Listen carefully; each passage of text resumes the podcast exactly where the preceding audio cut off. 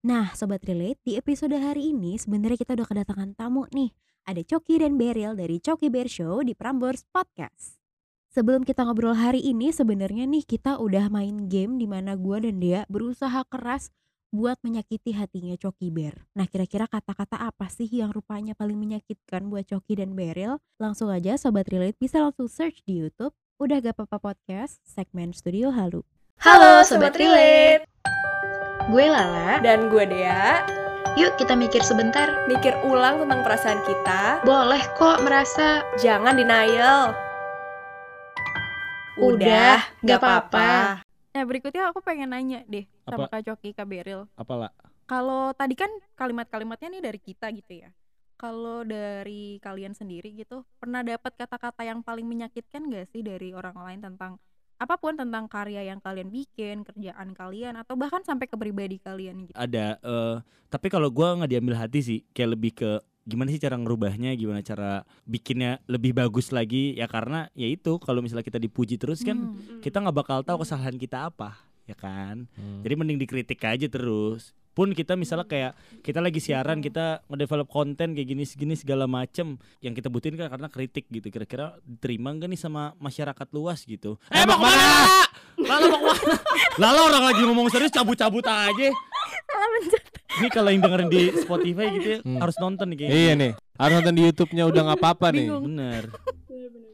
Tapi ngomong-ngomong kira-kira ini jawaban Kak Coki bakal berbeda gak sih kalau seandainya take-nya itu gak di Prambors gitu, di rumah gitu Enggak lah, sama lah dek, Hmm. sama. Di studio juga nggak ada orang kok ini. Sama kayak di Oh rumah. gak ada orang ya Enggak sebenarnya gini, ada atau tiadanya kita coki Bear di kantor ini itu sama-sama nggak dihiraukan. Gak ngefek gitu ya, tapi belum menjawab pertanyaan aku nih Hmm. Kak tadi. Kata-kata apa jadi yang paling menyakitkan apa ya? yang pernah didapat? Mungkin kalau gue ya, apa Hmm. ya? Nggak ada. Apa ya? Gak ada lagi gue orang nggak bukan tipikal yang overthinking Hmm. banget gitu kali ya. Oh. Paling kalau kalau ke fisik gue kali ya. Contohnya apa? ya? Waktu ini sih SMP kali ya. Gue gue di dikatain hidung gue gede. Hmm. Gue tahu emang gede. Iya, gue tuh jadi kayak pengen operasi plastik. Sama dong. Ini kan lagi nabung kan? Emang Iya bener. operasi plastik. Bener bener.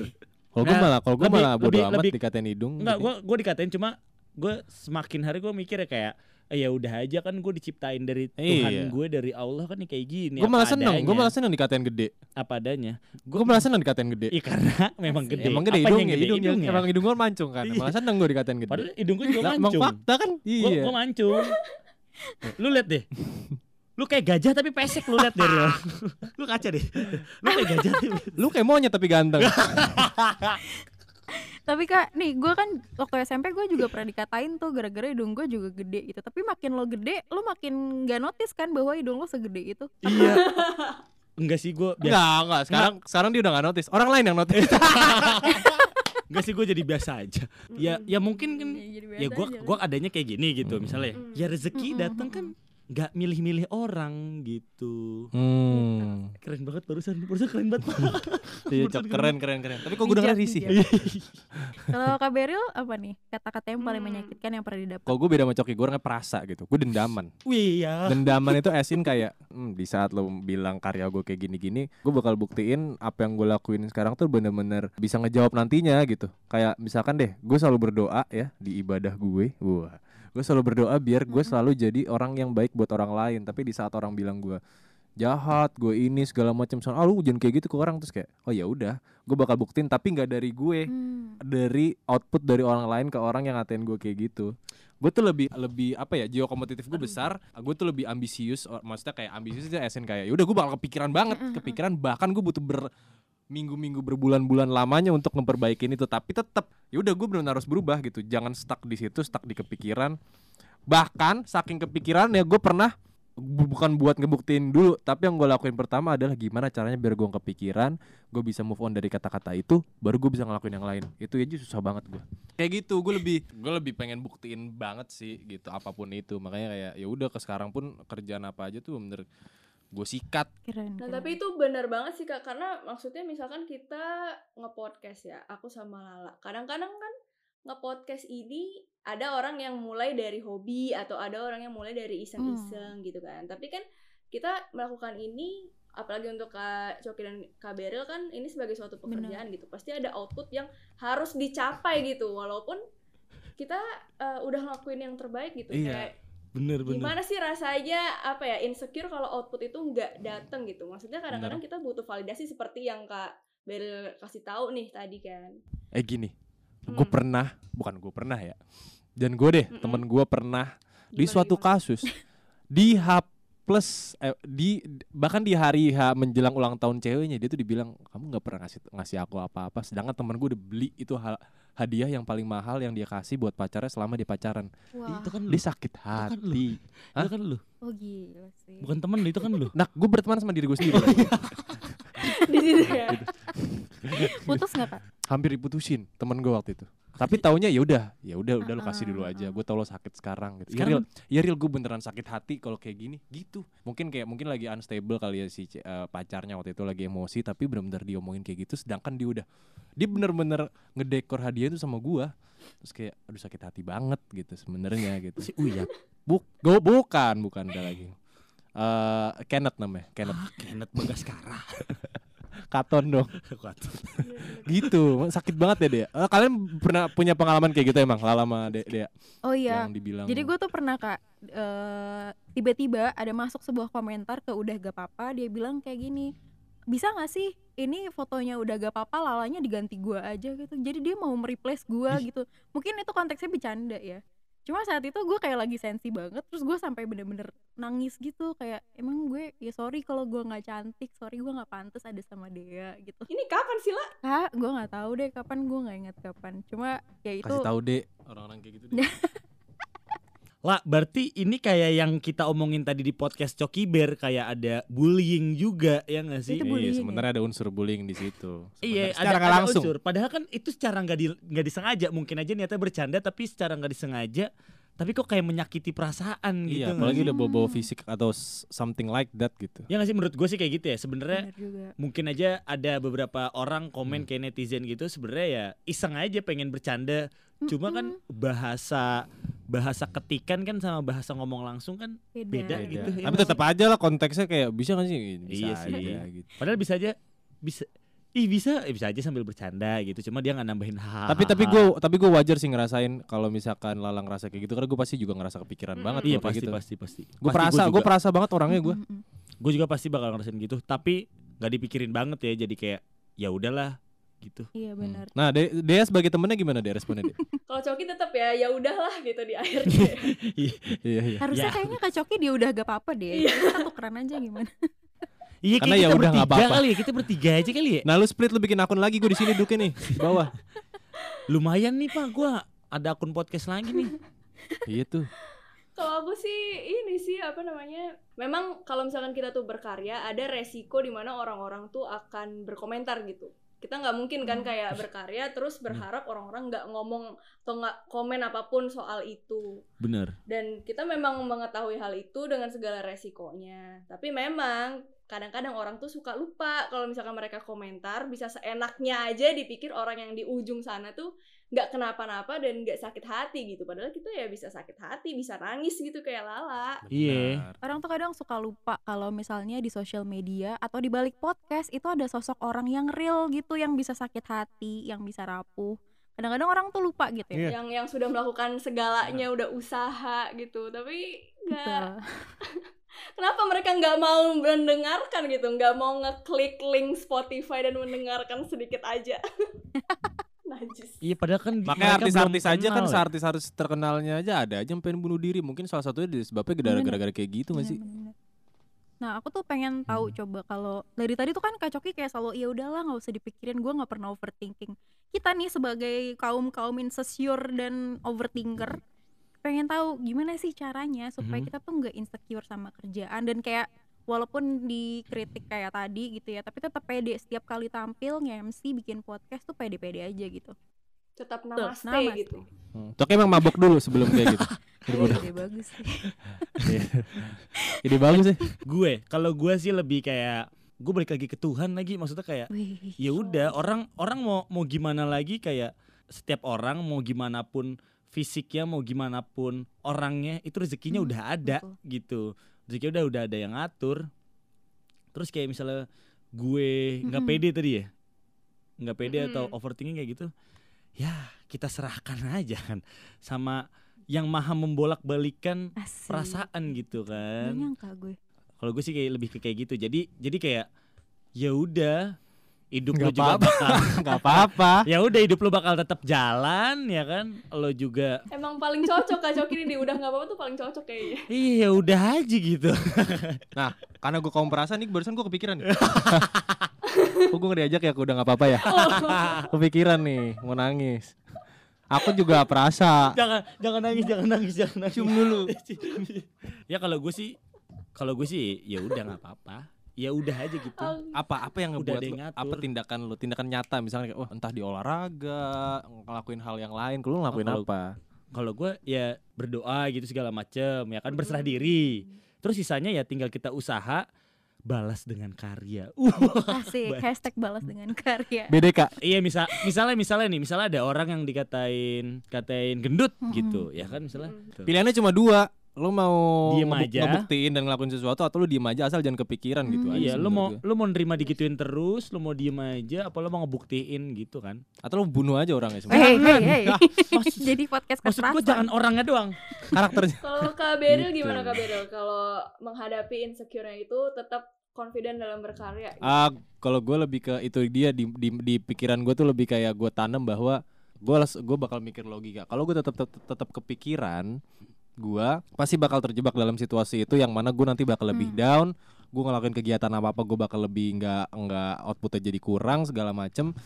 Ya udah, gue biasanya sih cerita, gue biasanya curhat sih, entah itu sama sahabat gue atau Hmm. siapa gitu. Yang yang pasti bukan dia ya, Oh yang iya, pasti Beryl tuh sering banget cerita ke gue kayak aduh gue gak bisa ceritain Nah, Nah, sorry banget sorry banget sorry banget Nggak apa, cerita nggak Be apa, cerita Beryl gak ada yang bisa gue ceritain di sini sorry banget Karena cerita Jujur. Beryl gak ada yang seru kan Gak apa-apa, gak apa-apa. Iya lebih kayak ke entah itu gue cerita atau gue mungkin kayak uh, main Hmm. game uh, untuk untuk gue keluar dari pikiran itu sesaat gitu. Karena di saat gue kayak gitu tuh pasti gue bakal jauh banget lebih down. Yang gue pikirin adalah belum sampai ke tahap oke gue gimana caranya gue berubah gimana cara gue buktiin tapi gue harus mikirin gimana cara gue keluar dari zona itu dulu. Dialihkan Gua- dulu gitu. gue pernah staycation sendirian lu bayangin sampai Hmm. segitunya. Ah, emang cewek lu gak jadi datang aja jadi sendirian. Ya, intinya sendiri kan? Iya bener bener. Ini sendiri. Tapi sorry gue gue mau ngasih tahu ke waktu itu gue sorry banget nge- dia tuh lagi Mm-mm. cerita gitu sama temennya. Terus gue ganggu akhirnya dia nangis. Ya waktu itu nama marmut lu siapa? Miko. Jadi Miko. cerita emang sama, sama binatang gitu dia. Lagi serius lah oh sorry. Cerita marmut ya. ya gue sampai kayak segitunya sampai gue lebih drown banget. Terus gue kayak gue sampai staycation sendirian abis itu gue jalan-jalan. Ih sumpah. Lah gue gua all you can eat sendirian juga. Karena nah, gue misalkan sering itu makan sendirian. Apa? Makan sendirian. Karena lu emang itu ditraktir kan kebetulan.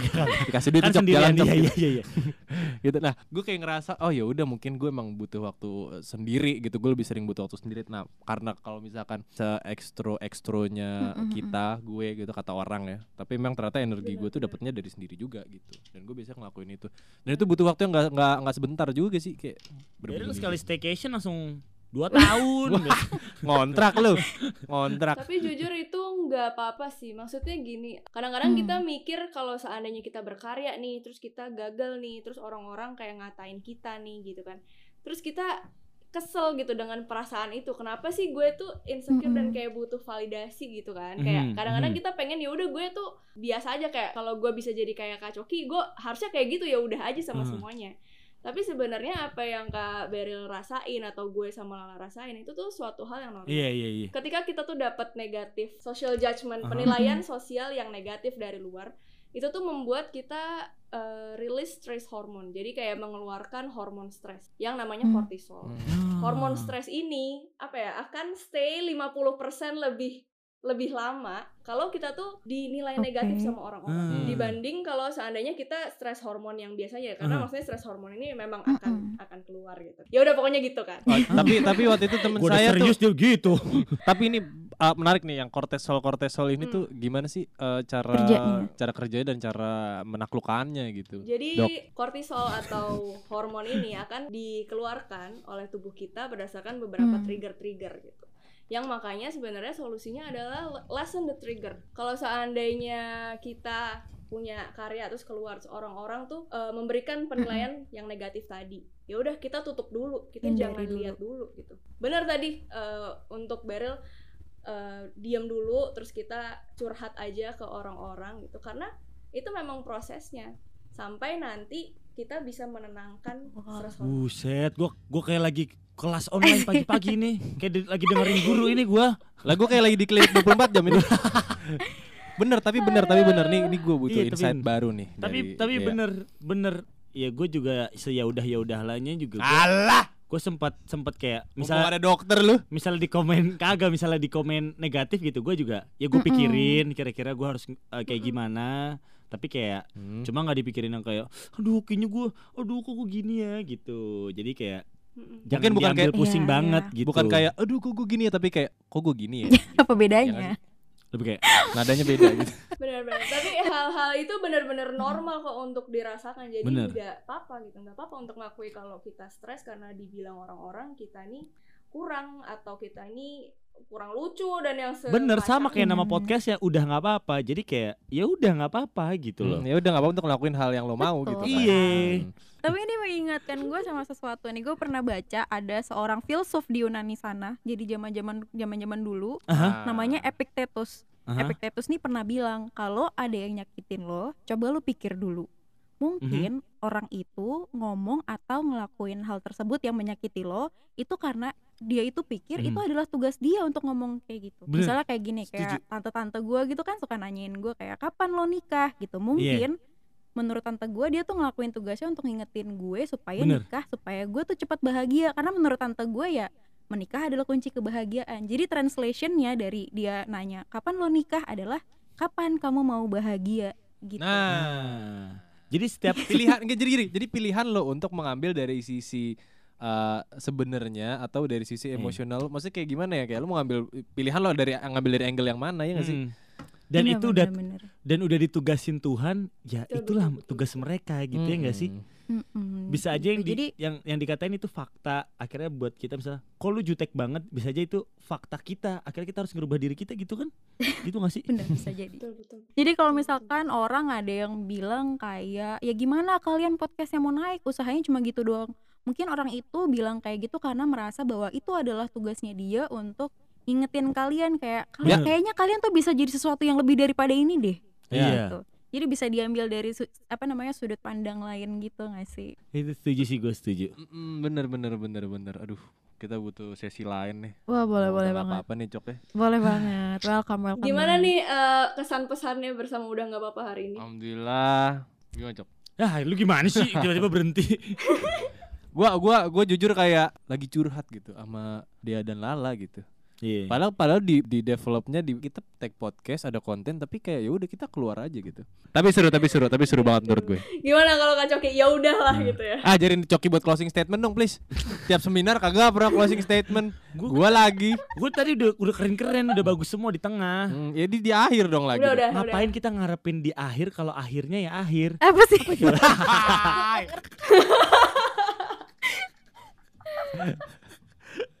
setuju tapi sih gue sama kalian setuju banget sih. Hmm, gitu mu Setuju apa? setuju Setuju apa? setuju. Apa yang setuju? setuju setuju. Tadi tuh ya lo kan gue jadi bingung mau closing statement. Tahu lu perasaan lu aja perasaan lu.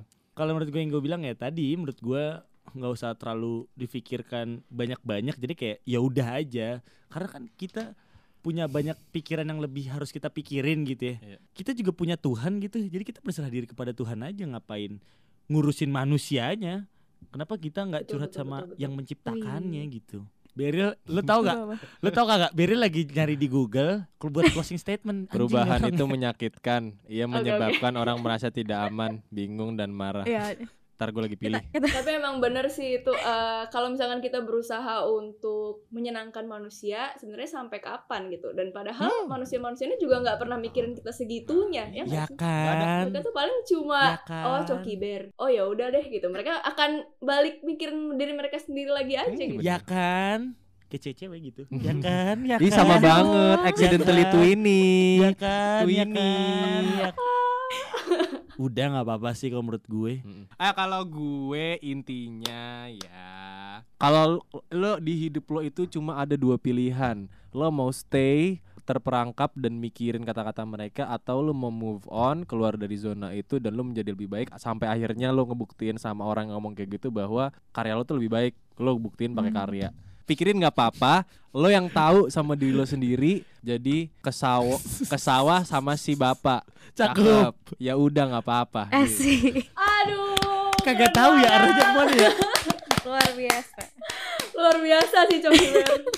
Luar biasa, aku tuh salut banget. gitu cok kalau podcastan sama orang-orang pinter begitu cok jadi intinya berkarya tuh buat Google ya. diri sendiri dulu Hmm. gitu ya biar orang lain bisa lihat hasilnya bener-bener Iya. gue gak nyangka sih podcast ini bakal jadi religius juga berkat Kak Coki. Thank you banget Kak membuat kita lebih beragama dari sebelumnya. Nah iya. Gak apa-apa, gak apa-apa itu. karena kan udah- karena kan lo uh, itu emang udah porsi gue nggak apa-apa. kiblat lo kan aja. memang ke ini agama pasti cok tenang tenang tenang. Itu emang udah porsi gue dalam kehidupan ini. Jadi untuk kalian merdeka kok tiba-tiba merdeka Tiba-tiba nasionalis Tiba-tiba nasionalis ya udah Kak Coki Kak Beril mau gitu. promosi promosiin podcast enggak enggak lah ya kalian pendengar lebih banyak daripada kita Alah, walaupun dia tapi nggak usah gitu-gitu amat. Jangan lupa dengerin Coki Bear Show di Prambors Podcast. Jangan lupa dengerin siaran kita juga di Prambors Hmm. dari jam 8 sampai jam 12 malam, Nice. malam Minggu. Hmm. Doain kita bisa siaran pagi. Iya. Iya, aku tungguin. Amin. Untuk sobat relate yang mendengarkan, untuk kalian yang mungkin masih ada rasa-rasa insecure juga nih waktu kalian berkarya, mungkin kalian bisa main-main ke IG kita dan curhat Hmm. tentang cerita kalian. Betul di at udah gak apa-apa podcast. Selain itu juga jangan lupa untuk eh, mendengarkan episode kita yang ada di podcastnya Coki Bear juga. terima kasih Kak Coki Kak Beril Terima kasih Dea dan Lala. semoga kita bisa collab collab di lain kesempatan Amin, amin. am- Nanti obatnya diambil di apotek Iya, aja. silakan. Langsung ke farmasi aja ya Mbak. Kasirnya di sebelah. Oke. Dadah sobat relate. Dadah. Sampai ketemu di Dadah. Yuhu. Yippee.